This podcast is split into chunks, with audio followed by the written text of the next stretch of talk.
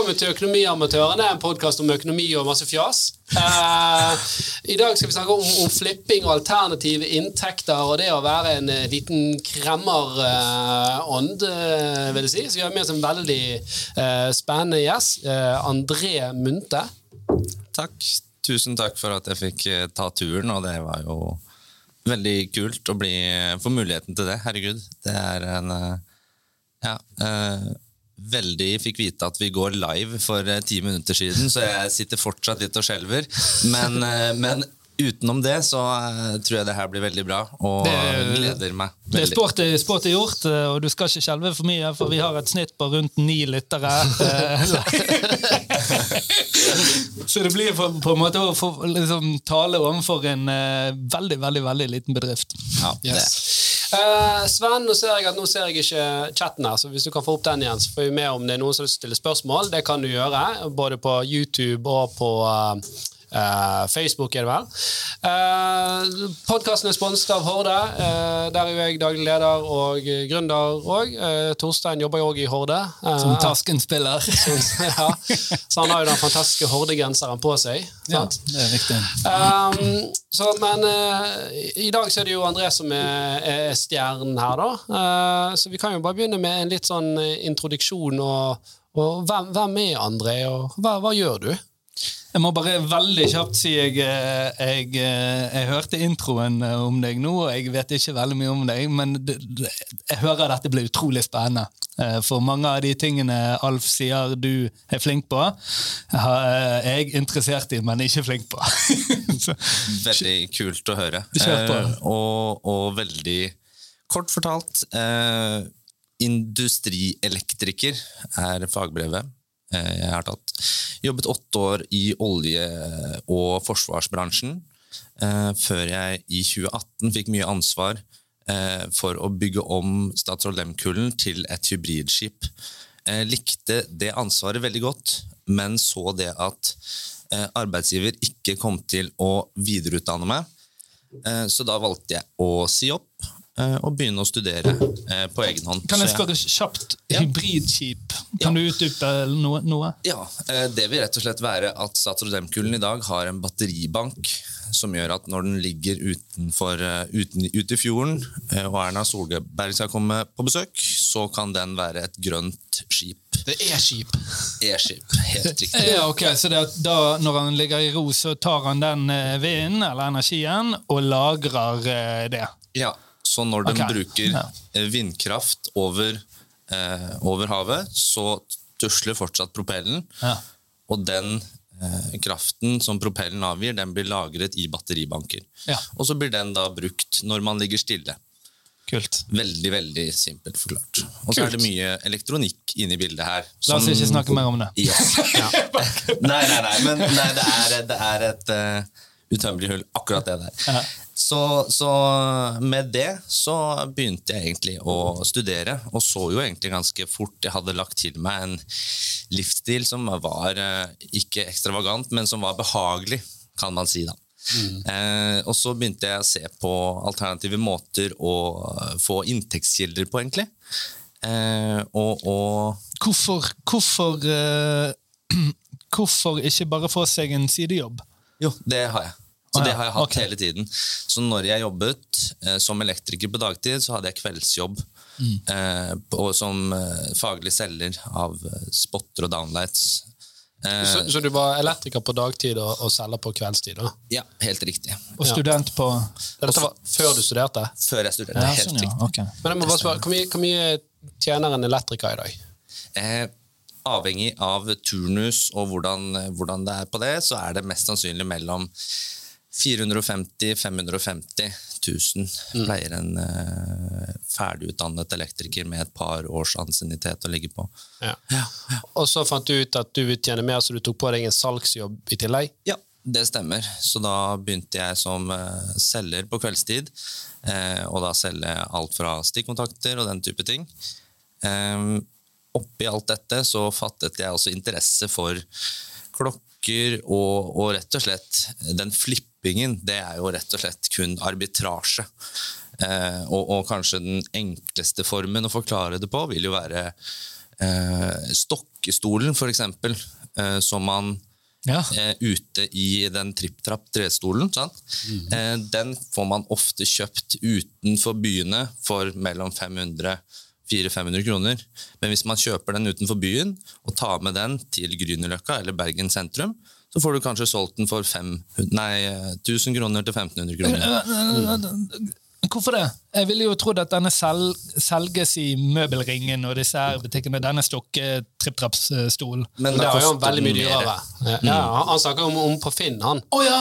Ja! Ja, riktig. riktig. Altså, du kjøpte den brukt? Helt riktig. Ja, der er jeg med. Okay. Så da å finne sånne små eh, smutthull, da, der man ser en mulighet for at eh, markedet mest sannsynlig ikke er effisient, så man utnytter seg av eh, informasjon som da eh, mest sannsynlig er veldig mange som er, har denne informasjonen tilgjengelig, men det er få som velger å agere på den. Ja. Så når du sier arbitrasjen, da, så vil du bare si at det, eh, altså det vil da si at, at du tar den fra et sted eh, den ikke er interessant i markedet, og forsyner den til et, eh, et, et marked som ønsker den. Helt riktig. Ok. Og, og, og grunnen til at det fungerer, er jo for når jeg bor i Bergen og, og jeg skal ha sånn stokkestol Vi har jo to av de, selvfølgelig. Vi har to unger. Eh, og, um, og så går jeg på finn.no og så sier jeg, jeg vil finne en sånn, eh, ikke mer enn to-tre kilometer unna meg, for jeg orker ikke å reise til Sogndal for å hente en stokkestol. Mens uh, André da, han, han sjekker faen, nå er fem stokkestoler i Sogndal her til 200 kroner. Eh, kanskje sånn var litt langt, da, men bare for et eksempel. eh, Så, så kjører man inn, og så kjøper man eh, disse her, og kjøper de for 200 kroner stykk. Og så selger man de i Bergen for 1500 kroner. Altså Veldig sånn enkelt eksempel. Jo, men Kanskje vi tar akkurat det eksempelet. for hvordan, eh, hvordan klarer du å innhente denne kapitalen? Er det at du gjør det, eller gjør, kjøper du så mange stokkestoler på den turen at det for, eh, liksom forsvarer turen i seg selv? Mest sannsynlig så er det fordi jeg har andre ærend i den reise, reiseveien. Så det okay. kan være at det er jobben som ligger der, f.eks. Det kan være at jeg skal hjem til påske. Ja. Eh, Det kan være at eh, jeg har hatt Jeg så et tilfelle for et par år tilbake i påsken, eh, og da fant jeg ut at dekodere rundt påsketider, det selger. Fordi da Oi. skal folk på hytta. Så da hadde jeg dekodere hjemme. eh, Tre-fire stykker. Og så la jeg de ut eh, før påske, ja, sånn rundt nå, nåtider. Og ble ringt eh, stadig av folk som ville kjøpe eh, de dekoderne. Jeg mener, liksom, virkelig ikke være frekk. Jeg syns det er Nei. utrolig gøy å at man finner det i det hullet der, da, men det, det er jo ikke, ikke mye to-tre dekoder og en stokkestol her og der, liksom. Veldig, veldig godt poeng. Eh, og det er jo kanskje det som er en del av reisen, føler jeg. Fordi med sånne forskjellige ting, da, så begynner man å få øynene opp for andre kanskje markeder, kanskje sektorer, som også innehar den type eh, muligheter. Som gjerne også er ganske oppe i dagen, og egentlig de fleste kan gjøre det. Men ikke veldig mange velger å gå det skrittet og faktisk gjøre det. Eh, Så, så det jeg har sett da, eh, de siste årene, så har jeg jo sett mer på eh, akkurat rundt flipping av klokker, for eksempel. Eh, Så da ble det Det var Høyner en stakesene litt. Ja, rett og slett. Gått er videre fra stokkestoler til klokker til noen titusenlapper. sant? Da, begynner det å, da, da blir margin penere og lettere å håndtere. sant? Men, det, men der, og, det, og det, det er jeg helt eh, enig i, og da begynner det å bli spennende, og plutselig sånn, så bytter, liksom, selger man biler rundt omkring i verden hvor det er masse arbitrasjemuligheter osv. Men eh, ble blir ikke det et litt sånn vanskelig eksempel, siden det har vært en sånn sinnssykt oppadgående trend? Altså, altså du vet, Det er rett og slett vanskelig å vite om man er flink i det, fordi at alt går opp hele tiden. Jo, det blir jo sånn tidevannet båter løftes Ja. på lik linje, på helt riktig. Eh, Men samtidig så vil man jo også kunne argumentere for at eh, måten jeg begynte med å fatte interesse for det med klokke, var rett og slett fordi det er eh, kule ting og den type ting. Men jeg så jo også det at folk hadde eh, masse klokker liggende i skuffen. Ut som var, batteriet var gått ut på det. Eh, Så, så for tre-fire år siden så var det jo det at eh, jeg hadde søkeord på Finn, f.eks. Trenger batteri. Eh, så da, så da, med en gang noe sånt kom opp, da Til de har rydda, sant? de skal flytte, de ta det. Vi skal ikke ha det. Og så kjøpte jeg jo inn eh, batteri på, på nettet for et par øre stykket, eh, og et sånt lite søtt kit som du kan bytte, åpne klokker og gjøre sånn veldig enkel service. da. Eh, og så kunne jeg da kjøpe disse klokkene for nesten ingenting, og så plutselig selge de for litt Så mer. du solgte batteri? Nei, ikke batteri. Jeg kjøpte klokker som ikke gikk. Ja, Åpnet sånn, og byttet batteriet. Okay, sånn, ja. For det, n- n- Når du skal bytte det batteriet på sånne klokker, så må du som regel til en urmaker. Sant? Det er ikke noe du gjør sjøl. Hvis du da hadde denne klokken si du hadde den klokken, og den, den kostet 4000-5000 kroner. Da, bare for å ta et sånt det, det, Koster den 50 000, så tror ikke du bare sier sånn jeg gir den vekk. Nei, Men koster den 5000 kroner, du, du kjøpte den for ti år siden, du har ikke noe sånn emosjonell tilknytning til den. Jeg legger den ut på Finn for 500 kroner. Sant? Og, og der sitter André, da, og så har han et søkeord på at eh, klokke må byttes batteri. Sant? Og så tenker han ja, ok, han her er ikke motivert til å gå og bytte batteri sjøl, han blir kvitt den, og, og da står andre klar. ja, det er kult. Det er kult. Et, et annet eksempel på det vil jo også være knuste iPhoner, som blir også liggende i, i skuffer. Eh, og, og opp igjennom det siste året er jo da jeg har begynt å dele litt av denne interessen eh, med flipping og det å kunne gjøre andre inntektskilder eh, på Twitter. Eh, ja. Ja, det har jeg sett, for du har jo en del følgere på, på Twitter. Eh, men det jeg synes var, var spennende her, det, det virker jo eh, Så du ser på dette som en, eh, en, en læring som man nå kan dra paralleller inn til andre bransjer og sektorer, som du sier.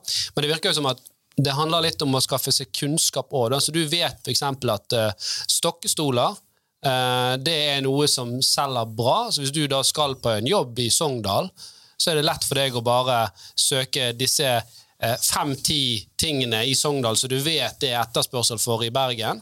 Sant? Og når du likevel skal der, da, så, så handler du med deg disse forskjellige, og så kommer du tilbake til Bergen og, og, og legger det ut. da. Så, så det handler liksom om å bygge seg opp en sånn slags portefølje eller forståelse da, for hvor disse tingene ligger. Så jeg tror ikke du, det, det er ikke bare sånn man blindt eh, går og så kjøper ting i, eh, i Sogndal for å prøve å selge det i Bergen. nei, men jeg, jeg vil bare si jeg skal være kjapp her, da, men jeg kjenner meg eh, litt igjen. Jeg husker for, for veldig mange år siden så drev jeg og kjøpte sånne vintage popkornmaskiner på netthandel og la de ut på QXL. Og der ble, nådde de alltid en høyere pris, og så bare omadresserte jeg pakkene når jeg fikk de eh, i posten. Og det, var, og det var noen hundre kroner her og der, men det var fordi at jeg syntes det var gøy å avdekke at her er det et hull.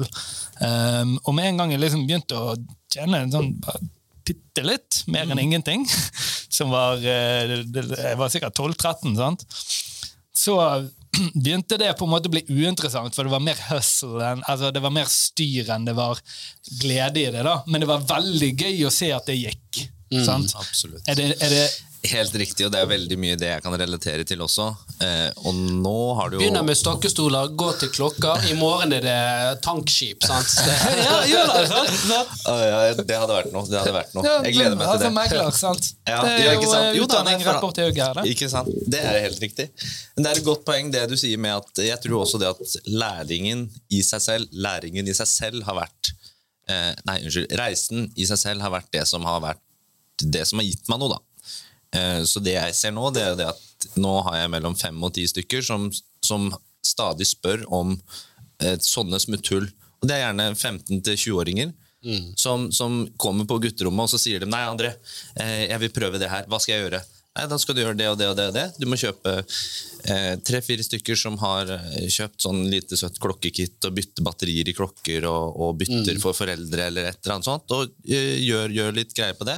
Og så plutselig får jeg beskjed ok, eh, nå vil jeg bytte til iPhone. Nå skal jeg begynne eh, å bytte skjermer på iPhoner. Hva tenker du om det, André? Fins det marked?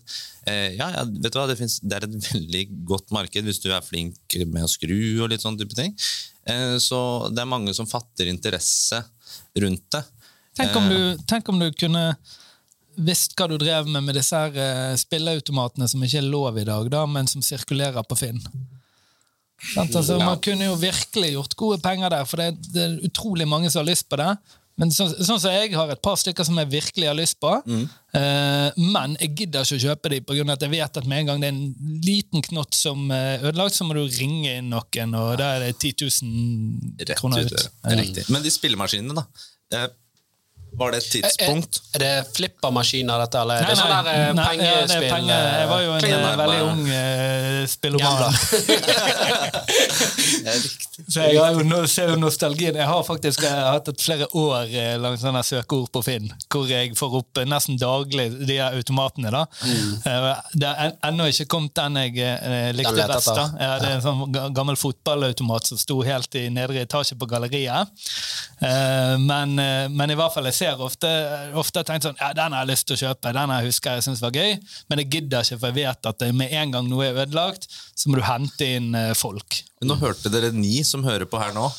Dere fikk jo med dere det her nå, Ja. så dere må jo begynne å hjelpe oss her å finne den der fotballmaskina. sånn Hvis du, kan... hvis du lærer deg det, eh, Lærer hvis du lærer deg der, eh, det å kjøpe det, de der automatene, bare fikse de tipp topp, Mm. få de til å liksom, fungere med nye tiere og ikke de gamle kronestykkene og sånn, så tipper jeg du har masse penger eh, bare der. Vær så god. Ja, ja, men, ja, men for du, du eh, Det er jo ikke det eneste Du, du er jo en sidehustler, du òg. Du driver Ja jo eksempel med, med, med nabobil. Da, sant? Og vi hadde jo en egen episode om det, hvor du snakket om dette at finne riktig objekt på Finn, som du vet eh, folk trenger. Sant? Disse her pizzavennene som er gode til flytting, billig, koster så og så mye, må være keyless. Det er jo litt sånn samme konseptet. Sant? Så jeg kan jo stille Jeg har jo tenkt på det òg, men så kan jeg stille samme spørsmål til deg. Uff, er ikke det voldsomt styr, Torstein, å drive og flytte rundt på denne bilen og ha den på service og, og, og sånt? Eh, Ja, der, jeg har jo utlyst uh, arbeidet med det, da. Ja, til må du ikke ha over fire enheter, da? Det var det han sa til meg. Jeg er bobil, jeg òg.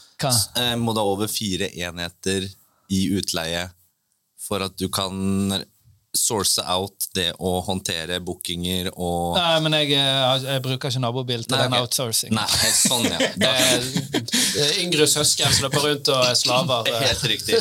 Det er det. Det er riktig. Ja, ja, ja, ja. Men jeg har, noen, jeg har noen biler. Men, Mm. eh, men det er bare hyggelig og gøy for alle, tror jeg. Uh, Du sa et ord i sted som jeg syns var litt gøy, og siden vi ikke har Jan Tore her i dag, for han hadde definitivt BC-merke om det, men jeg synes vi skal ta det opp, da. Du sa et effisient marked. Mm. Og Det er jo veldig sånn eh, finansmarkedsspråk. Kan, vi, kan du forklare hva et effisient marked er? Eh, Den enkleste måten å forklare det på, det vil være at uh, i et effisient marked så handles uh, Er all informasjon tilgjengelig, så prisen er riktig. Men det vi ser ofte eh, når ting beveger seg både i Helt transparent marked. da. Helt riktig. Man vet alle inntjeninger fremtidig i tid. Man har kontantstrømmer så langt du kan. Kjempefint, sant? Men dette er et optimalt marked som mest sannsynlig ikke finner sted hele tiden.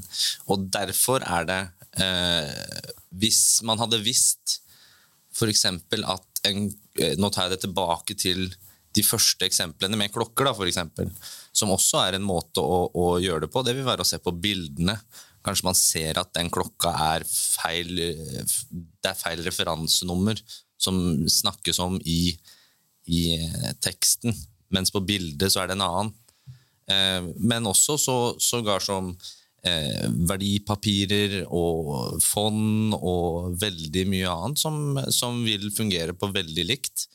Eh, og det ser jo jeg at jeg har lært mye av, da, rett og slett gjennom å begynne med stokkestoler, eh, for å få den praktiske erfaringen. Og det skal jo sies at eh, jeg er nok ikke den flinkeste på skolen, det er jeg absolutt ikke, men jeg må nok Jeg, jeg liker at det jeg liker nok at det blir eh, ikke forklart til meg, men at jeg kan, det er noe håndfast jeg kan gjøre noe med. Du kan Da. praktisere det på en måte. sant? Helt riktig. Så, så, så et, et, eksempel kan være at hvis du handler en, en, en veldig kjent Handler du Equinor-aksjen, så det er så mange som handler den at prisen på den den blir ganske korrekt ut fra hva et marked mener han er verdt.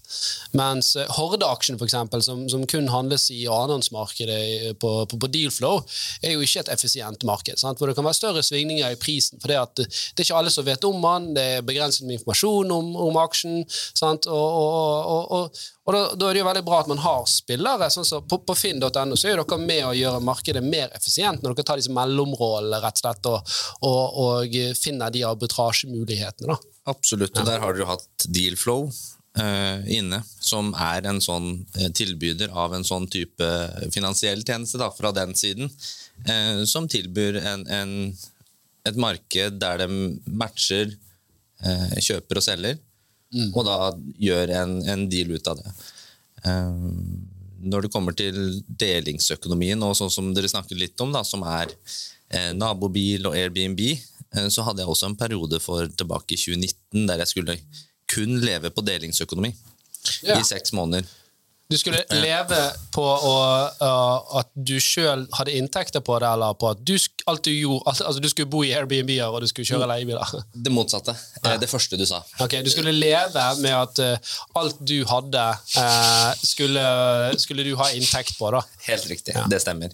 Eh, Det skal sies at jeg var student, Alt? så jeg fikk jo Altså, så, så, Damen òg, ja.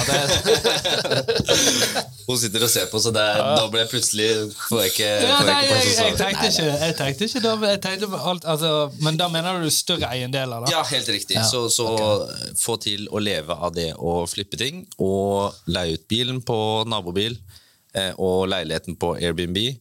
Eh, Og da belager jeg meg på snille folk som jeg har eh, fått bekjentskap til i Bergen omegn, som jeg kan krasje på sofaen. Vet du hva, det, jeg kjenner det, jeg, det grusser nedover ryggen på meg. Ja, for det, er noe- jeg, jeg, jeg skal leve på de jeg kjenner. Mm, det vet Det er du hva, det du det, sier. men, men, det, men, men det, er, det er en sånn sosialt eksperiment som er veldig Ja, men jeg kan jo si det. Nå skal jeg kun leve på mine foreldre og hyggelige venner. jeg skal ikke bruke en krone! ja. Jeg skal kjøpe meg en eh, leilighet, den skal jeg leie ut til andre, så skal jeg bo hjemme. Eh, men ja, for det, det, går, eh, det går et rykte om at, at når du leide ut leiligheten på Airbnb, så om du ikke gjorde det, så sov du faktisk i bilen din for å leie den ut. Stemmer det? Ja, det har skjedd. Det Det, skjedd, ja. det, er litt, den er litt, det er litt sånn trist episode, men det er jo Det, det var jo det så villig til å få det til å gå rundt det jeg var, da. Mm. Eh, for å faktisk vise til det at nei, nei, da blir det Så vi en eh, liten I3, da. Ja, men det, det høres ikke ut som det var altså det, det er jo noen kostnader her som ikke Absolutt. Alt kan ikke regnes til penger. da. Eh, man er jo villig til å betale for en viss komfort. Mm. Eh, så hvordan gikk dette eksperimentet?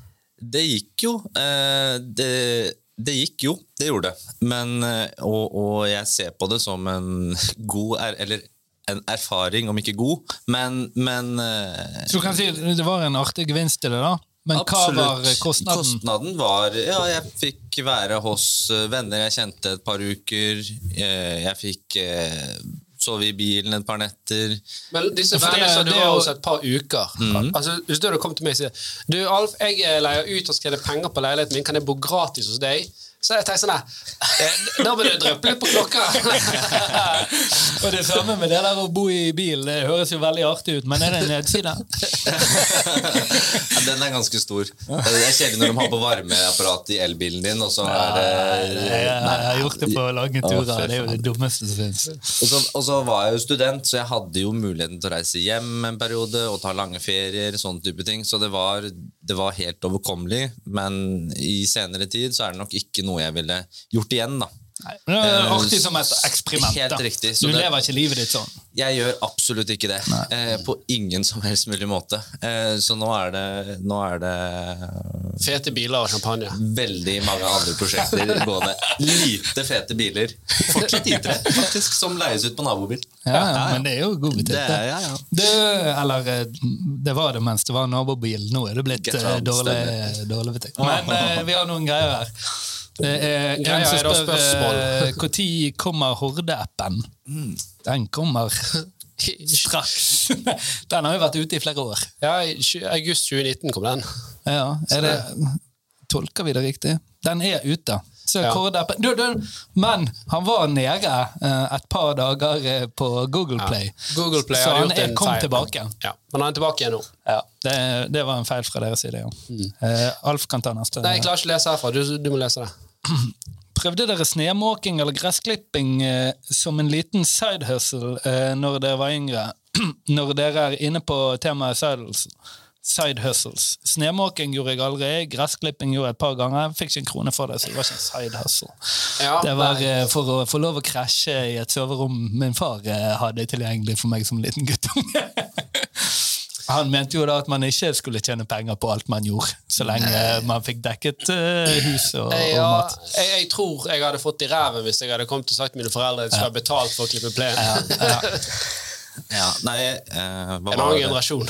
Ja, det var det, men han skrev jevnlig i avisen, han er redaktør, han skrev jevnlig at han elsket å klippe plen, og det husker jeg irriterte meg, for det var alltid jeg som måtte gjøre Lukten av nyklippet gress. Men, men selvfølgelig, hvis eh, naboen eh, hadde spurt eller, altså, Jeg tror det er mer det som er greien her, at gikk man Ja. rundt og Jeg malte masse hus, det gjorde jeg. Ja, du gjorde det, ja. Masse, masse. Fra jeg var 10 til 13-14, ja. Kult. Du da? Nei, ja. Eh, Vi begynte å jobbe i 11-12-årsalderen på sagbruket.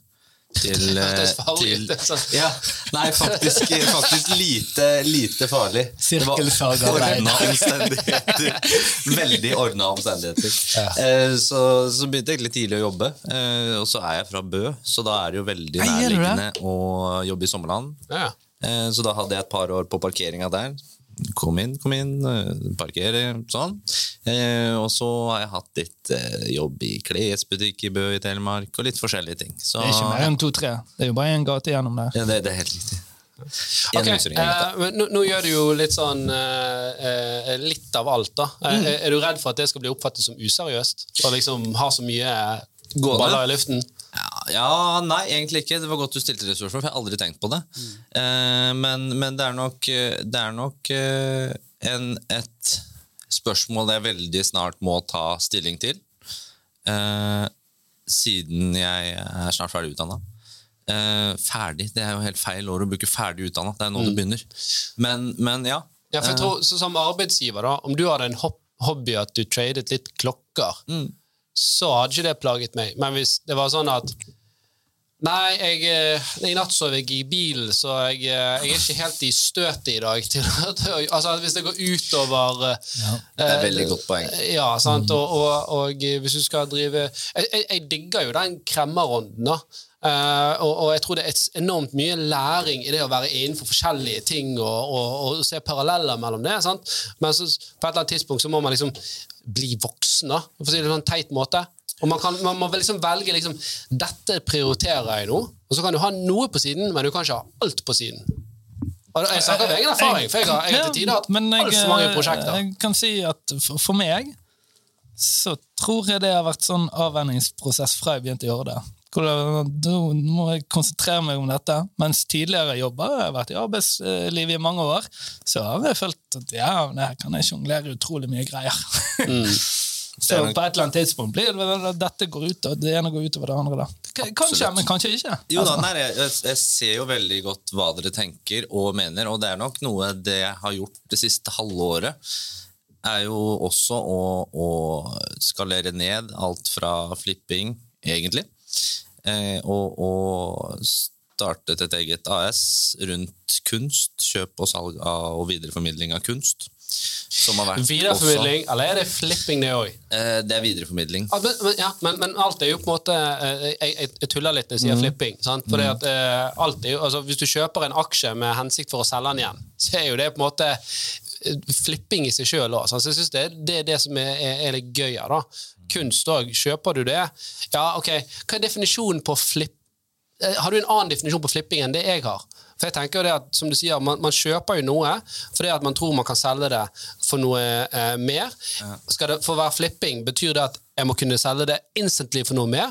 Eller eh, kan jeg sitte på det og tro at det øker i verdi, og da er det ikke flipping, da er det investering?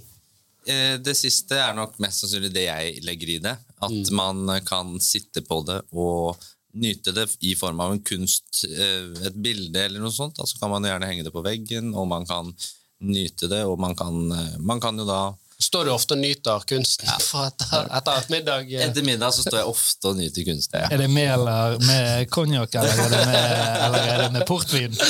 Hvilke av? Det er mest eh, mango og ipa ja, det går i.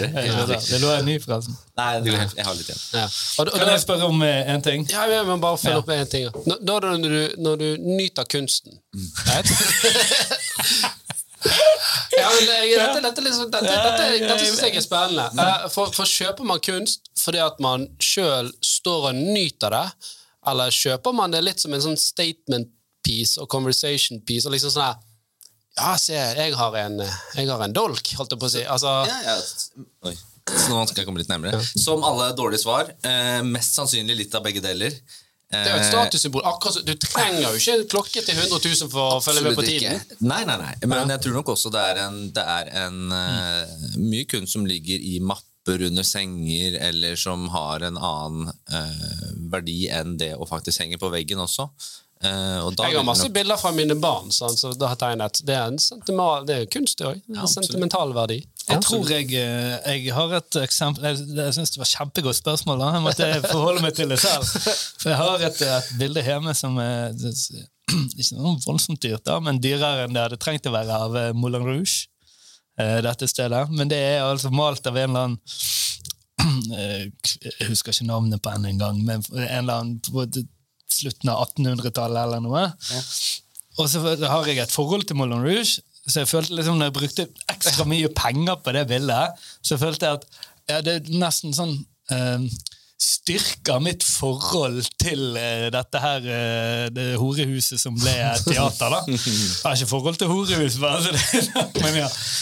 Så det, det, men det er jo på ingen måte fordi at man ønsker å um, og liksom, i dette tilfellet vise eller tøffe seg med, med prisen på dette bildet, men det er nesten å liksom sånn, ligge litt penger i bordet på den storyen. da. For deg sjøl eller for andre? Nei, for meg selv, tror jeg. Tror jeg. Jeg må kjenne litt mens jeg snakker med ja. Ja, det, det kan godt være, for jeg har, jeg har, Du har aldri fortalt meg om dette bildet. Nei. Så det, det har ikke vært sånn at du, det første når vi har kommet inn som Torstein sier 'Ja, se dette bildet her!' Nei, Står nei. nyt kunsten min. Nei, for det står på reserverommet som du aldri har vært inne på. Ok. Nei, jeg, jeg, jeg, jeg køddet litt, men det var liksom for å ja. Men Jeg eh, få høre hva dine tanker er.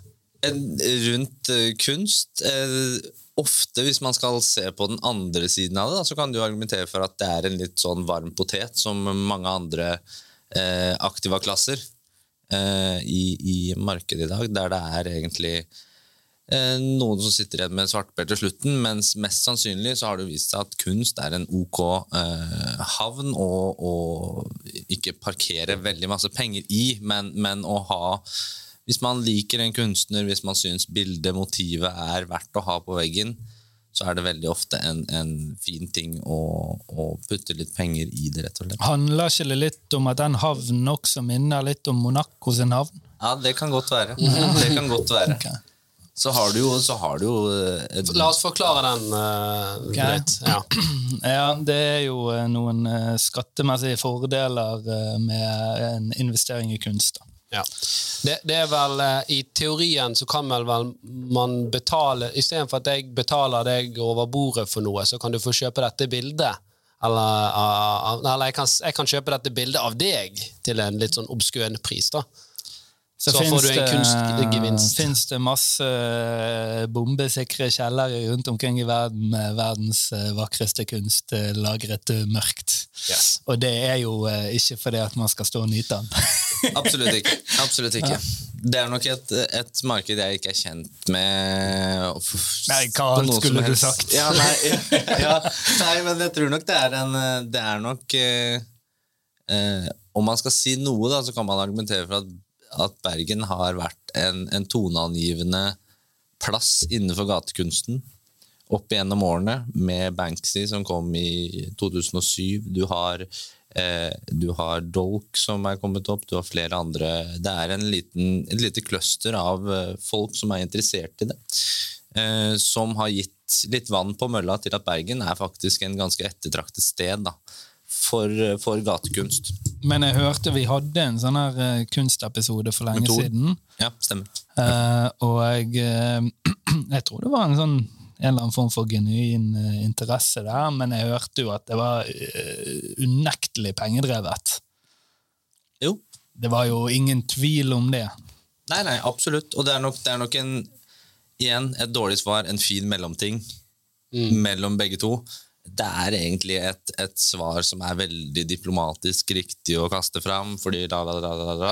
Jo, men, men jeg, jeg, tror på det òg. For det er klart at uh, skal du finne noe du skal kunne tjene penger på, så er det en veldig fordel hvis du har en interesse for det i tillegg. Uh, for da vil du være, ha en egen interesse av å researche og være on top of ting. Hvis du, hvis du drev og samlet og flippet frimerker og hadde null interesse for det, så hadde det jo vært et voldsomt arbeid å holde seg oppdatert på frimerkearbeidet. Uh, markedet.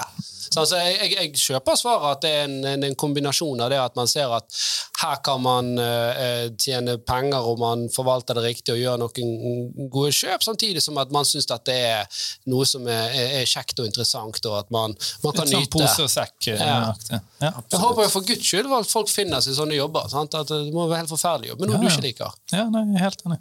Helt enig. Jeg har, kan jeg spørre om mm. det, det, var noe jeg tenkte på i sted. da. Uh, kunne du formidlet hva som var din beste flipp i prosent, og beste flipp i uh, gevinst? Eh, det må være Det var eh, I fjor så hadde jeg eh, Hva var det for noe, da? Jo, det var en, en uh, flipp som innebærte en en eh, deal med klær og penger. Så, og jeg hadde, har hatt lyst til å prøve merkeklær. Merke, merkeklær. Sånn type Gucci sånn du ser alle de kule gutta gå med, løper rundt med. sant? De aller kuleste går med Gucci. De aller feteste. Ja, men vi, vi, hadde jo, vi, hadde jo, Oskar Vestelin med. Han drev jo og flippet sånne Gucci-bags. Eh, ja, på, sånn type ja. var det da. I den sånn type. Mm. Er, det, er, det, er, dette i prosent eller i, i uh, kapital? Altså. I, ja, jeg tror det er I prosent så lå jeg da på 400 uh, eh, I kroner og øre så tror jeg var investert i klokka for om det var 25 000 eller 30 000, tror jeg det var for den klokka. Og så fikk jeg solgt alt av klærne for det også er noen som kjøper dette, disse bagene. Du kjøpte en pakke? liksom? Ja, helt riktig. Og da med, med, alt av For det som tydeligvis er, da Jeg visste jo ikke det selv, jeg måtte jo lære meg det her. Og gjennom å prøve det selv, faktisk, på lik linje som Pokémon-kort en runde. Eh, men det kan vi ta etterpå. Men da, da, da følger det jo med en konvolutt med kjøpsbevis og du, det, er, det, står Gucci, og det står hvor det er kjøpt, det hele pakka. Um, og de, de, fikk jeg da også solgt for jeg tror det var nærmere 12 000 kroner. Hva, hva, kjøpte du for? For du, du, sa du kjøpte en klokke for 30 000. Kjøpsbevis? Ja, ja på, på, de tingene, da. På de spesifikke tingene. Kjøpsbeviset? ja, på Gucci-bagen og T-skjorta og sånne type ting. Okay. Så, Men ikke bagen? Jeg er litt forvirret her nå. ja, det er på alt. Ja, okay, okay, Så du, du, kjøpte en pakke med noen greier? Hvor det var du, jeg, jeg, Hva var det du kjøpte? Jeg kjøpte en klokke for uh, 25 000. Mm. Og så fikk jeg solgt den klokka pluss jeg tror jeg fikk uh, 15 000 pluss dette her. Ok, så du tradet til Klokke. deg? Med ja. klær, fordi jeg ville lære litt mer om klær. Ok, ok, Så du hadde en klokke mm. som du da solgte, uh, egentlig med tap, da, men du fikk for, i, i, forhold til cash. Helt riktig. Ja, Men du fikk noen klær i tillegg som mm. var veldig mye eh, verdt. da. Ja. Ja, og, og, der hadde du òg uh, proof of authenticity på disse her, som gjør at det var lettere å selge de for en, for en høy pris. da, Så man visste at det ikke var China. Ja, helt riktig. Ja. Ja. Vet vi om noen uh, Unnskyld, nå ble kanskje brå overgang. Jeg bare hoppet tilbake på chatten. Ja, nei, kjør på. Uh, vet vi om uh, noen gode investeringsbøker? Der tror jeg òg det er det, og, og, dette kan jeg veldig lite om, men det jeg kan om det, er gjennom dette her Las Vegas Pawnshop. da. Um, og, og, der virker det som det foreligger en sånn det er vanskelig å investere i en bok hvis markedet er som du sier, effisient, hvis det er åpen, men arbitrasjemulighetene er enorm. Ja, men Jeg tror ikke det er det de spør Jeg tror de spør om bøker om investering. Så. Oh, ja. jeg, det gir mer mening! Jeg tenkte bøker man kan investere i for å finne Det blir jo veldig snevert uh, for, for, denne kanalen. Ja, ok, ja, riktig. Ja. Jeg synes det, Men det, det, det, jeg svarer på, er mer spennende. ja, fordi spesielt interesserte Nei, men, uh, men, men du, du, kan godt få lov å fortelle det hvis du føler at det var veldig spennende. da. Men, Nei, ja, Det var ikke sånn superspennende svar. Jeg synes det var et spennende spørsmål. Nå føler jeg det er stor fallhøyde hvis du skal bygge ut på denne historien. Nei, det var ikke noen spesiell historie jeg hadde. Det var bare at det, det jeg merket meg, at hvis, liksom, hvis at det er veldig mange som kommer inn med bøker som de har kjøpt på sånn loppemarked, men de har et forhold til at disse eh, 2000 bøkene her er veldig interessante, og spesielt hvis de er sånn førsteutkast osv. Og, så mm. og så kan de plukke og så plukke for 50 cent og komme inn og selge det for 4000 dollar. Faktisk eh, Anne Frank sin dagbok. ja, bare, ja, men sånn veldig enkelt eksempel. Eller, ja. mm. Der vil jo jeg kanskje kanskje vise til Twitter og en hashtag som er veldig mye brukt der nå opp igjennom, som heter Finntwit. Eh, der det er veldig mange Jeg skal ikke påberope meg noe dyktighet innenfor noe som helst der inne, men det er mange dyktige folk som deler veldig mye innenfor eiendom, innenfor aksjer, innenfor investeringer. Og så er det jo, er det jo også veldig eh, ta det som blir skrevet med en klype salt, fordi mange opererer under anonyme navn med morsomme profilbilder og tjo og hei, men så kan man jo argumentere for at mye av det som blir sagt, er det, er det hold i, i form av at det gir mening, og at man har, man har belegg for å si det. Men, men i hvert fall Fintwit, hashtaggen på Twitter, eh, har jeg lært veldig mye av de siste årene. Uh, og den er gratis? Ja, det er faktisk helt riktig. Den koster ingenting. Og vi har hatt Fintvit Meets i Bergen, som vi har arrangert. Kult. Uh, og fått, uh, fått, kjempemange interesserte. da. Mm. fått et par kjempekule folk som snakker om eiendom, som har skalert opp dette. Som, og, og, ikke minst fått likesinnede. da. Kanskje mm. også det mye handler om. Mm. Faktisk å finne noen som også tenker litt på den samme måten. Mm. Eller som har lyst til å høre om noen som har gjort det bra innenfor eiendom, mm. eh, og, og, og, nå har skalert opp i løpet av de siste 24 månedene til 25 millioner i utleienheter i sentrum her, og kjører på. Eh, som ikke ønsker å stå frem med navn, men når du møter dem i Bergen sentrum på et fint Fintwit Meet, så har man veldig mye felles, og det er veldig dyktige folk som deler veldig mye. Mm. Uh, mitt svar til denne om gode investeringsbøker, så vil jeg sagt at uh, det spørs hva bøker man, man, man ser etter. Og, jeg, jeg og bare, investeringsstrategi, selvfølgelig. Ja, for det, det finnes hvis, hvis, behovet er at jeg må forstå hvordan investeringer fungerer, jeg må forstå hvordan et marked fungerer, så det er mange bøker sikkert med basiskunnskap om, om, om, det som kan være greit å gjøre. Jeg skal innrømme at jeg har faktisk aldri lest en ren investeringsbok i hele mitt liv. Uh, utenom de som jeg hadde som pensum uh, på, på, skolen. Da, men, og knapt nok de. Og knapt nok de. Ja, okay. men jeg har lest mange, mange bøker, men, men, eller mange og mange, men, men de en, mer enn én. men det er jo mer sånn om, om innovasjon, om produktutvikling, om vekst vekst, om, om gründerskap, om, om, merkevarebygging. Altså mer sånn her eh, konkret til det der å skape verdiskapningen. da, som jeg synes, eller for eksempel om, om plattformøkonomi, det syns jeg var spennende. Det har jeg lest bøker om. Men ren sånn investeringsstrategi, sånn at eh, eh Sånn eh, tegner du en trendlinje. Vi hadde en del om det òg, sånn, men, men, det har jeg aldri liksom fattet sånn voldsom interesse for. Eh, for det at etter, Når du har jobbet ti år i markedet, så vet du òg at ja, du kan, vi kan tegne så mange linjer vi bare vil, og det finnes nok av programmer som gir disse linjene, men, og, og så, så det, får du noen støttenivåer, altså, sånn, men du må fortsatt liksom ha en story bak dette her. Da, sant? Det er jo ikke sånn at du bare kan finne ut disse støttenivåene og bare trade etter de, så vil du tjene jævlig mye penger. Det er ja. ikke så lett, dessverre. Om jeg får en saying på den, da, så er jo også Nå sparker jeg kanskje inn en uh, åpen dør, men gjerne teknisk analyse, som du henviser til her, er jo kanskje også en gjerne en selvoppfyllende profeti. Hvis alle tegner de samme strekene, mm, så får man de samme Teknisk analyse. Det må være et Så tema. får man, eh, for får man jo akkurat nettopp det du snakker om der. Du får de samme nivåene, du får støtte på, du får de samme SMA-er, du får alt. Eh, Så det blir en litt sånn Du er avhengig av at nok skal tro på det, og at du da igjen klarer å tenke ett skritt foran resten av denne mengden av mennesker som forholder seg til ikke-fundamentale faktorer i markedet. Ja, og så skjer en eh, Reddit-sak med GameStop, eller sånt, og så kan du bare kaste alt ut av vinduet. sant? Eh, Det kan du nesten hele tiden. Ja, det er tekniske det. signaler. men her var i hvert fall en follow-up fra samme person, og, og han sa at uh, han har det som bok som heter 'Psychology of Money'. Anbefaler den sterkt. Eh, jeg har ikke lest den, eh, men eh, sikkert verdt å sjekke ut om det er andre som, som, lurte på en ja, bokanbefaling. ja, for det er en spennende vei å gå, som vi ikke helt gikk. Mm.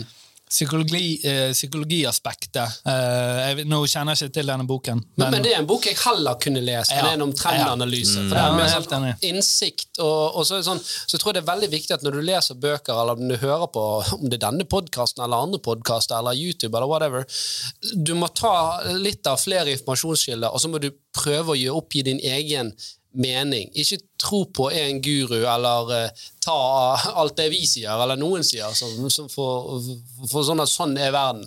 Men jeg sånn tror vi har, jeg tror vi har vært innpå det før, da, hvis det ikke kan si noe. Altså, det er masse sektorer der ute.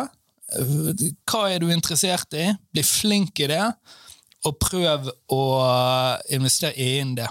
Da kan det være ditt competitive, uh, competitive advantage. Men mm. konsentrer deg om én sektor. Sånn.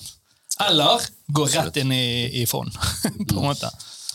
Uh, det er jo et veldig bra spørsmål til deg, og det, og det er en veldig bra pivot inn til vi skal inn på noe. For du er jo òg leder for aksjeklubben på BI. Eh, nestleder i aksjeklubben BA. Helt riktig. Så, så det er uh... Hvorfor har ikke vi leder Vent Vent, sekunder, jeg skal bare ringe. Jeg skal ringe opp her nå. Nei, uh, det stemmer. Så det er jo også en kjempe, kjempefin, kjempefin mulighet for å møte likesinnede på det nivået der man, der man rett og slett møtes, snakker egentlig ikke så mye om aksjer. Man legger fram eh, DCF-er man lager, eh, som da Utdyp. man neddiskonterer kontantstrømmer fremover i tid. Discounted cashflow. Og så legger man til grunn en vakk VAK, en, en, et avkastningskrav i Ja, nå denne går du veldig Unnskyld, du må snakke annerledes. ja. Eh, man, man legger til grunn i denne neddiskonteringen i kontantstrøm fremover i tid. Da legger man ned et, eh, en betingelse som er da avkastningskravet. Og det vil da være i den formen at man tror at dette selskapet skal gjøre det bedre fremover i tid, eller dårligere. Og så kan man jo argumentere for at desto lengre ut, desto lengre frem du skal spå, eh, desto vanskeligere er det å treffe. Så mest sannsynlig så vil jo den hvis du skal, hvis du skal, Vi ligger jo da på en år med mellom eh, to og fem års frem i tid, skal vi da ha et avkastningskrav på den Men dette er jo, dette er jo en haug med vari variabler Helt hvor dere eh, mest sannsynlig aldri kan eh, slå de som eh, virkelig er dyktige i dette, og har tilgang til de aller dyreste programmene. For jeg, var medlem i, i, i den eh, aksjeklubben i, i Nordland, og det var bare for å få tilgang til et par programmer. Så det var en veldig passiv eh, klubb. da. Men, mm, hvordan går det i forhold til eh, børs? Eh, Over en treårsperiode. hva tenker du på da, med tanke på Aksjeklubben. Eh, hvordan vi rekrutterer, eller hvordan vi har, har jobber? dere et eh, fond, eller eh, måler dere liksom, de investeringene dere anbefaler? Aha, ja, nei, det Vi anbefaler ingenting ut. Det vi da blir sett på som en anbefaling, og det vi Jo, men ikke altså, vil en, kunne en, en investeringsklubb er jo lov å ha, sant? at man, man sjøl ja, Så de analysene vi legger frem for, for klubben, de vil da bli tatt opp og vurdert i Nordnett sin eh, aksjeduell, hva heter den? Aksje- Shareville. Shareville, helt riktig. Så det er der den vil bli vurdert opp. Eh, der sitter man med en porteføljeforvalter og analytikere som da legger til rette for at eh, disse analysene fremvises. Eh, Etter det så er det jo da opp til porteføljeforvalter å gå gjennom tallene og se at det ser riktig ut. Eh, Godt poeng det med programmer og tilgjengelighet. Heldigvis veldig mange skoler i dag, og det er flere jeg har snakka med i forskjellige universiteter og byer, som har tilgang til dette. Eh, det er flere som har kontakta meg på Twitter om akkurat dette, eh, og da har jeg bedt dem om å ta kontakt med sin veileder og etterspørre om de kan få tilgang til Eikon, til Bloomberg, til sånne type terminaler. Mm. Så det har jo vi også på, på her i Bergen. Der har vi lisenser til Bloomberg. Eh, og, og, kan sitte og skrape data. Mm. Så i en sånn prosess så er det jo det det handler veldig mye om. Å begynne eh, med å skrape data og få da lagt dette inn i modeller som er utformet. Så kan man også legge inn forskjellige variabler som så man kan si det er en, eh, egentlig en fantastisk øvelse. da. Mm. Ja. Helt riktig. Helt Uten riktig. nødvendigvis et fantastisk resultat, men en utrolig bra læringskurve. Og, og det, det, jeg tror eh, det er viktig å forstå altså for det at Grunnen for man gjør dette, er jo for å, å, gjøre seg opp en mening om dette selskapet er priset riktig i dag eller ikke. Sant? Um, og eh, for det er klart at eh, Å, å, å si at ja, men det skulle vært priset sånn, eh, og så kommer det en Elon-tweet, og så er jo verden opp ned. Sant? Mm. Men det er klart at her er jo målet at i det lange bildet så ser jo man da, har man gjort analyser som sier at ja, nå er jo folk helt mogelige mongolide og kjøper dette for denne prisen her. Denne, det, dette kommer ikke til å vedvare, og da kan man ta en, det som kalles en short-posisjon med dette. Sant? Eh, hvor man da egentlig vedder på at denne aksjen skal synke. Eh, alternativt så kan du finne en del underprisede objekter. da. Mm. Men igjen der så er jo ikke det, eh, det Vi ser jo mange dette vi snakket om før, om, om PE. Sant? Vi ser mange underprisede objekter, men bare fordi at det er ikke sexy nok, eller det er liksom en bransje som ikke har nok oppmerksomhet. Sant? Så det, det, er jo ikke så lett å bare si at ja, men hvorfor er ikke disse to selskapene med akkurat samme forutsetninger, med akkurat samme inntjening, hvorfor kan det ene regnes uh, for uh, uh, 25 ganger det de omsetter, mens, eller det de har i resultat, eller og, hvilken metric du bruker, da, gjerne ikke det du har i resultat, men, men i omsetning, da, mens det andre bare regnes til ni. Mm. Sant? Der har du gjerne en koeffisient eh, tilfelle da, der du kan eh, kanskje i et ekstremt tilfelle eh, se på tegningsrettene til Norwegian, som ble snakket om mye i forskjellige podkaster, når de ble sluppet, der én handles på eh, brøkdelen av det den faktiske prisen i markedet er. Så du har på en måte en, en feil i markedet så hvis du kjøper aksjen i markedet, så er du eh, ganske eh, gal. Mm. Fordi tror, den er feil priset. Ja, akkurat med Norwegian så var vel feil at det var en folkeaksje. Jo, helt riktig. Ja. Det er veldig godt poeng. Men ja. da har du Kongsberg eh, Automotiv, der det samme eh, skjedde i mars i fjor der du har tegningsretter som blir utstedt av eh, Ja, på lik linje. Men det er jo også det samme. Det var en, det var en veldig det var veldig få store eiere i Kongsberg Automotiv, ja, eller Koa. da. Ja, helt ja. riktig. Det kan godt hende. Det har jeg ikke okay. kontroll på. Nå blir dere litt for nærete. Uh, la oss ta, ta, noe, la ta noe enkelt her. Ja, uh, Men det kan bare veldig raskt, sånn som jeg tolket det du sa, som, som jeg syns var veldig spennende, da, var at man danner seg en idé ut ifra sin egen kalkyle for, for hvor dette selskapet skal være. Og hvis det ikke er der det skulle vært, så har man eh, et, et, et prebestemt ageringsmønster. Mm. Uh, og det er jo en strategi, som vi snakket om i forrige episode. Da har du en strategi, og så må du prøve å følge den. Og hvis den ikke fungerer, så må du endre strategi. Ja. Uh, så det er et mål, da, istedenfor bare å ja. løpe som uh, hodeløse høns. Ja, for de, for de, lytterne som har uh, de tre av de ni som ikke har så mye peiling på dette, og ønsker å begynne med, med, med investeringer generelt, hva er anbefalingen din, André, for noen som er helt fersk inn i gamet? Veldig mange gode profiler på SoMe som fins, som er veldig Zoome? Eh, sosiale medier, ja. Oh, ja. Twitter, så, ja, okay, Twitter, eh, Instagram men, men, skal du ta alt det de sier for, så, for Det er, er klart at det, mange, mange tvitrer jo her sin, sin egen sekk, holdt jeg på å si. Da. Absolutt. Du selger din egen bok og hele, hele den biten. Men, men, det er et godt poeng, og der er det jo også den du, du, snakket om i stad at man skal være kritisk til alle de forskjellige stemmene som florerer. Mm. Eh, og det har vi jo fått mange eksempler på. oi, eksempler på i, på Twitter, på Instagram, i alle mulige forskjellige kanaler, med at det er noen som, som har uærlige hensikter. Men, men jeg tror nok det at hvis man har et kritisk blikk og ønsker å begynne å lære, så er nok det kanskje den Du kan tilbringe kortest mulig tid fordi eh, ting er laget for at at attention-spannet er veldig lavt, men du Men skal bli attention span uh... Opp- Oppmerksomheten din Ja. til, til vi du, du, du blir fanget veldig fort i en video som har et, et underliggende beskjed som du virkelig ønsker å vite. Eh, så derfor kan man da argumentere for at istedenfor å lese en bok på 300-400 sider, så kan man da kanskje få mye ut av å se, eh, følge de riktige profilene i de riktige kanalene. Eh, ja. Ja. Men hvordan skal man eliminere og Det er det, da. Det er det, da. Der har man jo egentlig ikke en sånn god, god måte å gjøre det på, annet enn intuisjon og det å bruke sin egen Men da, det som er skummelt med intuisjonen, det er jo det at man gjerne følger de som sier det samme som en selv.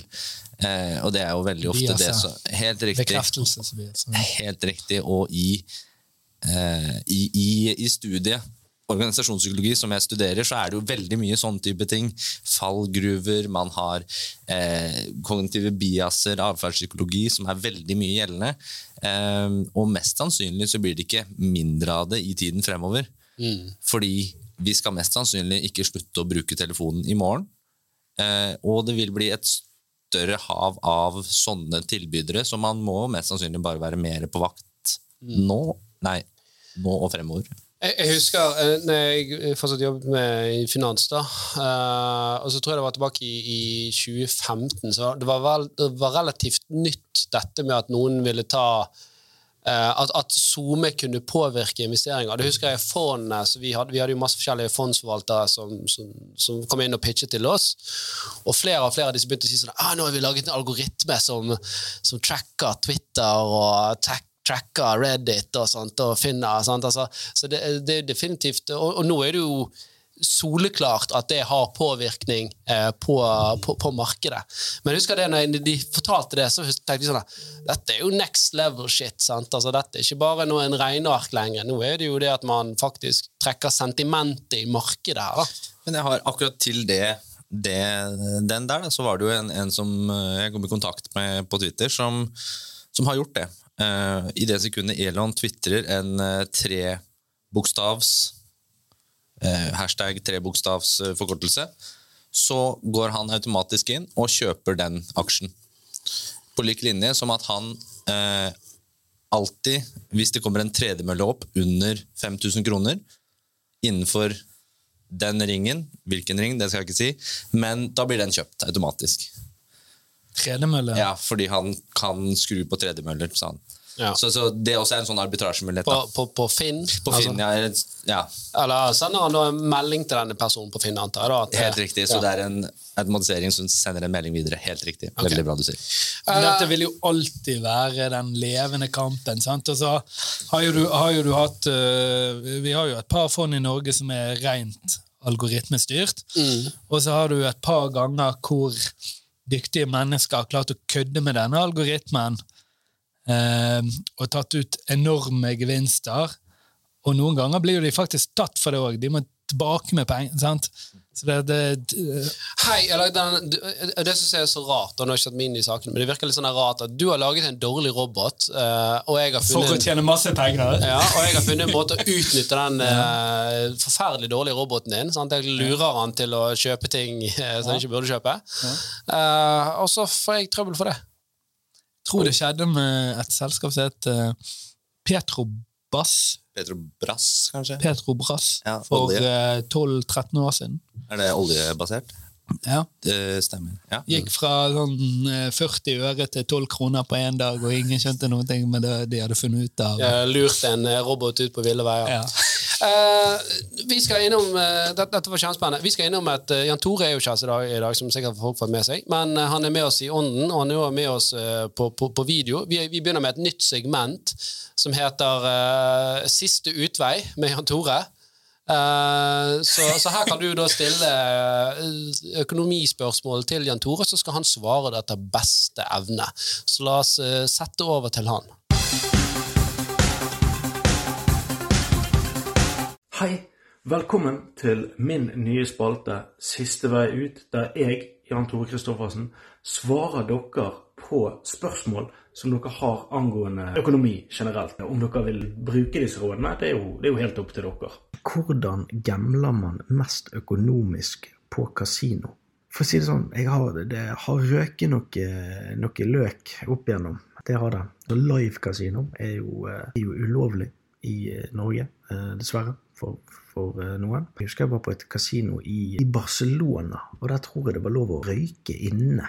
Eh, Det setter jo på en måte atmosfæren. Sånn At du kommer inn i lokalet, og så bare velter det røyk inn i, i fjeset ditt. At du får noen gode vibes. Man får lyst til å bruke penger.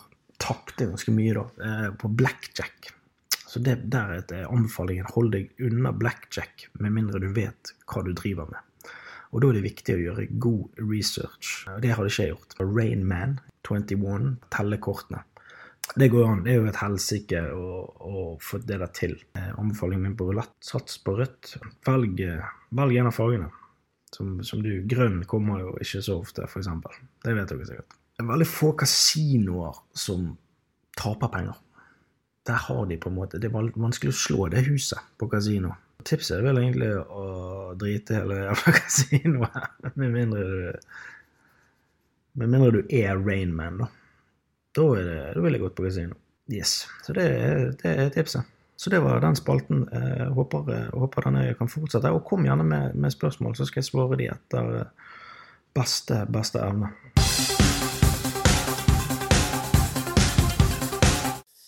Jeg stiller meg eh, Dette var eh, da eh, siste utvei med Jan Tore Kristoffersen, hvor dere kan sende inn spørsmål. Jeg stiller meg bak eh, Jan Tore her. Det er altså konkludert, da. Han sier 'velg en farge i rulett', eh, og eh, 'vær Raymond'. Ja, eller jeg tror det er Black er det, Jeg har ikke sett den filmen. Det er litt, det er litt flaut, da. Men det er vel en, en film fra Ikke jeg heller. Jeg har ikke du hørt om den, i hvert fall? Ja, Det er jo jo, de det er der jo midtstudentene. Det er jo med han Kevin uh, Bacon. Nei, nei, Tom Cruise. Ja, ja, Tom. Rainman. Rain ja, den, ja, kan man ikke se. Jeg har sett den, ja. Ja. Men han, han er vel fra sikkert eh, tidlig 90-tallet og slutten av 80-tallet? ja. Filmens stortid. ja. Uh, og, og, og, og da er jo Rainman uh, han, altså, Jeg husker ikke hva han heter, han skuespilleren, men han, han, er jo, eh, han er jo på spekteret. Han er vel autist, og da bare står der og så teller kort. da. Ja, riktig. Eh, og, og det er liksom, liksom greien. Så det er nok det Jan Tore mener med å Og det er jo det samme de gjør i 21. Ja, altså yes. filmen 21. Stemmer. Teller kort. Ja, Eh, er dette, men dette er MIT-studentene, da. ja. Jeg kan jo si med en gang at jeg er ikke Raidman, så jeg skal nok ikke inn på noe blackjack-bord. og Det er jo gøy, da, hvis du, hvis du, hvis du, Men- men- hvis du på en måte hvis du kan de enkleste reglene, så er jo du liksom på en sånn 97 Jo, jo. Altså dealerne eh, får ikke veldig, veldig mye, da. Men da er det underholdning. Og, det, alltid, og da, underholdning, da blir du holdt for under, og det koster veldig ofte penger. Så da har du det. Ja. Eh, Men, men eh, nei, jeg ser Men, men likevel så tar jo folk og tipper lotto òg. Det er jo idiotskatt. Det kan du godt, godt si, for det, det, det, det er jo. Y-typ. Jo, eh, Du tenker Norsk Tipping? Ja, ja, Ikke ja, Tipping. Helt riktig. Helt riktig. Ja, det, det er jo et eh, Det kunne vi sikkert en episode om i, i seg sjøl. det var et spennende navn. Det var Ja, et spennende eh, navn på det. Jeg har aldri tenkt på det. Ja, ja, men, Men det er jo 50 rett i kasso. ja, og eh, når det gjelder eh, de, de fleste som har eh, oddset eller, eller spilt på Norsk Tipping Norsk Tipping har vel faktisk nettkasinoer, de òg, hvis jeg ikke tar feil. Ja, uh, så er jo det forferdelig dårlig uh, RTP, Return to Player, er det vel uh, Han er 50 cirka. Nei, det, men det kan ikke være så dårlig, men Nei, eh, jo, ikke- hva betyr det? Ja, altså, 100, 100 kroner spilt, player, 100 kroner spilt, 50 kroner tilbake. Ok, Ja, nei, men det, det, det kan ikke være det på nettkasino. ja, ja. På, på, på andre nettkasinoer så er RTP rundt sånn 97 da. Så poenget er jo at spiller du nok ganger, sant, så er det umulig for deg å vinne. Mm. Eh, sant? Men så er det en eller annen eh, jovial løk som vinner 80 millioner. i Men på, det, på spilleautomatene som var eh, når de eksisterte, i Norge, så var jo de mellom eh, 70 og 80. Mens i Storbritannia så måtte jo de ha et ben synlig Ja. på toppen. Det måtte jo de ikke i Norge. Eh, og da var det et sted mellom uh, 85 og 93. sant? Ja, men- ja, at det men- ja. koster mer å ha denne fysiske tingen, men på nettkasinoene ja, det er et sted mellom 95 Men du kan og faktisk dra en liten parallell til det vi snakker om effisiente markeder. da. Ja, sant? faktisk, ja. Ja. sant? For, for disse fysiske maskinene sant? og det er mindre informasjon om hvordan det foregikk, du måtte komme det der. Sant? At du var villig, vill, og du, du spilte færre antall trykk. da. Uh, sant? Mens på, på nettkasino så kan du spille, du kan sette automatisk trykk, og du kan spille fem maskiner samtidig, eh, sant? om du ønsker det. Og, og det er klart at da da, da får du flere som spiller mer, og, og gjerne lengre, og blir mer avhengig. Så jeg vil tro faktisk det å ha en, eh, en, en høy RTP er faktisk bra, for det at For betyr du at har kunden flere, flere klikk. Ja, så altså, du blir sittende lengre og styre med, med, med dette her. Da. Men det er jo Eller mer kontra du satte ut underholdning, 1000 kroner, så var det vekke på uh, fire minutter. Sant? Ja. Ja. Kult. Det, der var masse, masse synsing. Eh, Nei, nei, er ikke så veldig mye fra min side, skal være helt. Nei, nei, men, men jeg, jeg tror, jeg tror eh, For å oppsummere rådet til eh, Jan Tore, så er kanskje ikke kasino eh, det beste stedet å investere pengene sine. da. Eh, Nei, men det, det- man går jo på kino, da. jo, men det, det koster eh, hva, 110 kroner for en kinobillett. Ja, men det er jo underholdning, da. Ja, men det, det må jo ses i forhold til, uh, til, til kostnad, da, da Ja, si. men kostnaden kan jo være Ja, ja, ok. Ja, Ja. Nei, men jeg, jeg, jeg liker ikke det at jeg ikke gå på kasino. Gå og kos deg på kasino. ok, ok, ja. La, la meg, la meg uh, eh, rephrase. Gå og kos deg på kasino, men ikke ha det som en investeringsstrategi. Nei, nei, det er jo idiotisk. Har Med mindre man spiller eh, poker. Bli flink. Ja, ja, og, og der kan du til og med være uærlig. Har du 2000 kroner i lommeboken og du har lyst til å kose deg, og du er i Barcelona, som Jan Tore nevnte, go uh, have fun. Sant? Og, og mest sannsynlig forsvinner de 2000 kroner. Er du heldig, så kanskje de blir tigangen av det. Av det. Men, ja, ja. men kveld, eh, ja, det, det kan være en uforglemmelig aften. Ja. Absolutt. Har du kjørt mye kasino? Nei, nei en- en- veldig lite. Ok. Um, jeg, Litt usmakelig, kjenner jeg. jeg, jeg, har nok, jeg har ingenting der å gjøre, for jeg går inn med eventuelt den tusenlappen, og så tenker jeg at denne kan jeg litt så godt sette fyr på. Men jeg gjør dette fordi jeg da kan få noe ut av det i form av glede og bli holdt for under. da. Ja, Underholdning. Ja, helt for underholdning. Ja, og, og eh, for, for min del jeg, jeg tror jeg aldri ville gått på et kasino i utlandet alene, men det har vært en kompisgjeng, så er det, sånn, det er noe sosialt med det, litt opp, opplevelsen av å gå her og gå Ja, ja, ja. Ha det litt gøy. Og så stikker alle kompisene, og så sitter man igjen. Du er i hullet, du må tilbake! Ok, uh, André, noen siste spørsmål her nå. Uh, jeg, vil, jeg vil litt innom uh, litt kort på dette med, med kunst. Eh, NFT er jo blitt kunst, har du vært innom det? Eh, Altfor lite. Jeg har eh, et par bekjente som holder mye på med det, men ikke, jeg har ikke vært borti det på noen som helst måte, dessverre. Eh, og det er, nok en, det er nok en, som du sier, det er en veldig varm, varm potet. eh, Som, som eh, gjerne er under utvikling. Jeg, jeg, jeg, vil, jeg vil tro at det, det kommer noen straffesaker her òg. For, for uh, casen med NFT-er er jo det at enkelte av disse her er jo folk som har stått opp flere kryptokontoer. Ah, og driver og handler disse NFT-ene, sant? Og, og prisen går opp, og hei og hei. Virkelig? Ja, ja, og så kjøper jo Og dette er jo sikkert unge gutter i 16-17. Altså, det, det er ikke sikkert de skjønner alvoret. Manipulering, da. Ja, men svindel er svindel. Så jeg, Ja, ja. jeg, jeg er ganske sikker på at det er noe som vi får okay. ja, nei, i ræven av onkel Sam her. Men er det svindel, da? Selvfølgelig er det det. Hvis du, hvis du eh, handler eh, og, og du, du, du lager jo et kunstig marked, eller en kunstig pris. Da. Ja, ok, Så det blir det samme som eh, om meg og deg uh, byr opp eh, PC-en til, eh, til deg, da, på Finn. Ja, i, i grove trekk. Ja, men Hvis vi mister kjøperne, da, så eh, har jo man tapt salget. Jo, men det, er jo- det er jo sånn hype det. det. Det er mer sånn at hvis det er to, spillere, to store spillere på aksjemarkedet, da, sant, som samarbeider om at nå skal vi drive opp prisen på denne aksjen her, og så, og så skal vi lage, benytte det mediebildet som er rundt, skal vi dumpe den på andre, så er det klart at uh, det, er jo, man, det er jo en uærlig hensikt i det. da. Sant? Så, så reg, Nå er jeg jo ikke jurist, men, men jeg vil tro det at uh, man, man, det er grunner til at man ikke kan gjøre det i andre markeder, og så virker det som enkelte tror at ja, men uh, krypto er jo krypto. sant? Men, Regulert. Ja, men svindel er svindel. Men det er nok mest sannsynlig sånn som du sier. Du ser bare det i Anbuds-Norge. Så er det jo ofte Det var kommet en sak nå siste måneden om akkurat det, at uh, sektorer er eh, Sender informasjon videre til hverandre som påvirker anbudene som gis til kommunene og til, til Norge. Da, som, kan sektor ja, Bygg, eh, vei, veiarbeid, da, på en måte. De ja. samarbeider, Veidekke, AF-gruppen og de store samarbeider om priser. Ja. Og så leverer de det videre når det kommer offentlige anbud, så sier vi ja, det koster 100 milliarder å ja. legge de her meterne med motorvei, og så sier jeg til deg ikke, ikke by for lavt, for da blir du kjip for begge. sant? Ja. Altså fixed.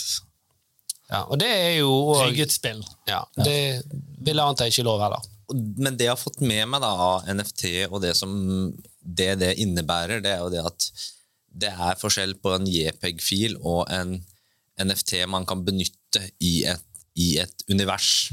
Og veldig ofte skal jeg ikke slå så mye i bordet, men, men, veldig ofte så er det det meta-universet som er da lansert av Facebook og coina den veien. Ok, Men, okay, men la, la, oss ta den, da. Uh, La oss si at det er et sånn univers, og, og denne NFT-en er en, en, en bil. da.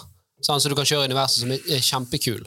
Det er Merkostnaden for å lage en, eh, en, en eh, ny bil etter universet er jo null, basically. Sant? Så, og, og, og, det å tro da at at virkelig de, altså Da vil det oppstå frie og sier sånn ja, men du vet du hva, her kan du få de bilene så mange som du vil. Så Hvorfor skal da folk velge å være i dette universet styrt av Facebook, hvor, eh, hvor, eh, hvor, det er liksom begrenset antall med dette gode, når du i prinsippet kan gjøre sånn, og så kan alle få dette gode. Men de bilene kan ikke komme inn i det universet, kan de det? Eh, nei, men du kan jo la, altså, Den bilen fra Ja, ja, det er jo en, en, noen som man diskuterer om at dette med å kunne sånn, altså, ikke bare, Det er noe som heter cross device, men her er det sikkert noe som heter cross universe. da, altså Du tar med deg det ene fra det andre. Uh, men det, det, blir jo veldig spekulativt igjen. Poenget mitt er bare at eh, jeg ser vanskelig for meg at hvis du har sånne markeder Uh, hvor det egentlig koster ingenting å la, produsere én en enhet til, slik at flere kan få det, så vil det dukke opp andre markeder hvor dette vil da produseres. Fordi at Noen vil jo se ja, men herregud, her selger de NFT-Ferrarier for 100 000 dollar. så, la oss et metervers, da, så selger vi det for 50 000 dollar. og så selger nestemann det. Altså, du vil jo få en prising på null, for, all, for kostnaden med å produsere det blir jo ingen. Nei, det, er godt, det er et godt poeng. Men så har du tilbake til, hvis jeg kan ta tilbake til det med kasino, så er det jo også folk som jobber med nå og hvis du kjøper en NFT, så kjøper du tallet 28 svart i rulettbordet. Ja. Så når da dette kasino eh, kommer opp og, og, blir et online-kasino, så får du en cut av alle de pengene som vinnes på Og da har man en in game eh, eh, til dette, denne formen for NFT, som er mm, jeg kan altfor lite om det, eh, men, men, det er nok en eh, mer riktig vei å gå den veien enn å se på JPEG-filer som kun er hold inne, trykk 'lagre som', og så er den din. Eh, men, men, det er jeg, jeg, kan se i de tilfellene hvor det er snakk om, om, om, royalty på et bilde som skal publiseres, publiseres i, i, aviser eller whatever, altså mediekanaler så det er greit å kunne verifisere hvem som eier dette bildet. Uh, og, og, hvem er det vi må betale for å få lov å trykke dette bildet. Da? Hva er spillereglene for det? Det, det, det? det, forstår jeg. Så jeg sier ikke at NFT er bare, tull. Jeg tror det er masse gode use cases der. Både i digital verden og tilknytning. Som for eksempel, uh, du snakket om uh, certificate of authenticity i sted. Mm. Istedenfor at det er bare en papirbit som hvem som helst kan forfalske, så kan det være en NFT-sak da, eh, knyttet til et eh, fysisk eh, objekt. Det, ja, det, det var det jeg tenkte på. Altså, man har jo NFT-er nå som er, som er på en måte uh, et, et reelt eierskap. Altså det ligger, det ligger uh, noe fysisk i grunn. Ja, Typisk Munch-bilde. ja, sant? eller det kan være at denne NFT-en altså, Så det er en det- aksje, da. Dette er jo sånn, disse Board Yacht Club-apene, for eksempel. Og så sier de ja, men dette er en billett, og du kan få komme på en kul fest en gang i år i New York. Ja, nei, nei, nei. Hvis det, hvis det er billetter til fester, aldri gjør det. okay. Det er siste spørsmål, André, som jeg har fått her fra, fra Ingeborg. Eh, hvordan er investeringene dine vektet, og hva gjør du med investeringene i disse usikre tidene? Ja. Eh, jeg var eh, Solgte alt av aksjer 31. desember. Hvorfor? Reallokere inn i investere gjennom selskapet. Kjøpe Hvilket selskap? Du kan jo skyte inn aksjer som egenkapital. Helt riktig. Eh, som student så setter banken lite pris på det, fordi de liker å se dustete penger som forsvinner i inflasjonen på bok på sparekontoen. Så det var det, det var den, det var den, det er en av de tre grunnene. Én var eh, selskapet Watch This Gallery, som jeg da skal gjøre videreformidling i, gjennom kunsten. Så det tar jeg videre. To, rett og slett fordi at eh, Nå glemte jeg det. Du glemte to. Eh, nummer to, eh, eiendom. Eiendom. eiendom. eiendom. Eh, kjøpt nybygg i forrige to uker siden. Som skal Til eget bruk? eh, Til eget bruk, helt riktig. Eh, så er i en prosess nå med der jeg ser at det er få aktive klasser utenom eiendom der du kan få giret investeringen på lik linje som eh, eiendom. Rett og slett fordi du har eh, muligheten til å gjøre det. EK versus investering, ja. Helt riktig. Eh, I, I investeringsfilosofien min de siste fem årene har jeg hatt et mandat som tilsier at jeg skal disse pengene investert skal være EK til boligkjøp. Det var rett og slett det jeg gjorde. Og nå lager jeg en fjerde, men den står faktisk på Twitter, den fjerde. Og det er jo det at skatt på eh, gevinst gikk opp fra 31,22 til 34,56 mm. i årsskiftet. Eh, Så det gjorde også det enklere til at jeg da valgte å selge alt før eh, dette året. Eh, Så Men hvis du da solgte alt med årsskiftet eh, for å reetablere, så måtte du også betale en del skatt, da. absolutt. Men det var, det var verd eh, Med mindre eh, Kostnaden. Bjørn eh, Nordnett igjen eh, la ut en, eh, en eh, normalfordeling på hvor lenge du skulle være utenfor markedet. Hvis det tre år skal jeg være utenfor markedet nå eh, for at det skal lønne seg før jeg kjøper meg inn igjen. Det på bakgrunn av skatten, Nei, på bakgrunn av skatten helt riktig, betale. helt ja. riktig, Det er godt poeng. Det må vi få med. Det, få med. Ja. det er kun på bakgrunn av skatten, så det er ikke noe andre Det er ikke oppgang eller noe sånn type ting. Det er kun pga. Ja. skatte, skattefordelen. Helt Ja. riktig. Spennende! Spennende. Uh, Andre, uh, tusen takk for at du tok tiden til å henge her med oss i dag. Dette var Eh, gøy. Dette var kjempegøy. var kjempegøy. Eh, veldig lærerikt. Jeg syns du var veldig eh, oppriktig og ærlig eh, og, og gøy å snakke med. Det er Kjempegøy eh, og fin, fin person. Tusen Eh, hjertelig. eh, på Twitter så kalles du Eh, André Munte 6. Et sekstall på slutten. Hvorfor seks? Det, er det sexy. Det, det valgte Twitter. Så mest sannsynlig så er 1, 2, 3, 4, 5 tatt. André Munthe 1, 2, 3, 4, 5, men André Munthe 6. Ja. André Munthe6 på Twitter. Uh, følg han. Uh, følg også på YouTube. Vi er ikke på Twitter, uh, men vi er på TikTok og vi er på Instagram. Vi er sånn hippe og kule, vi. Twitter, sånn for de her eh, We are with it. ja. Og da tror jeg vi sier takk for oss, og snakkes neste uke. Trolig hyggelig. Veldig hyggelig. veldig hyggelig. Ha det bra. Takk for meg.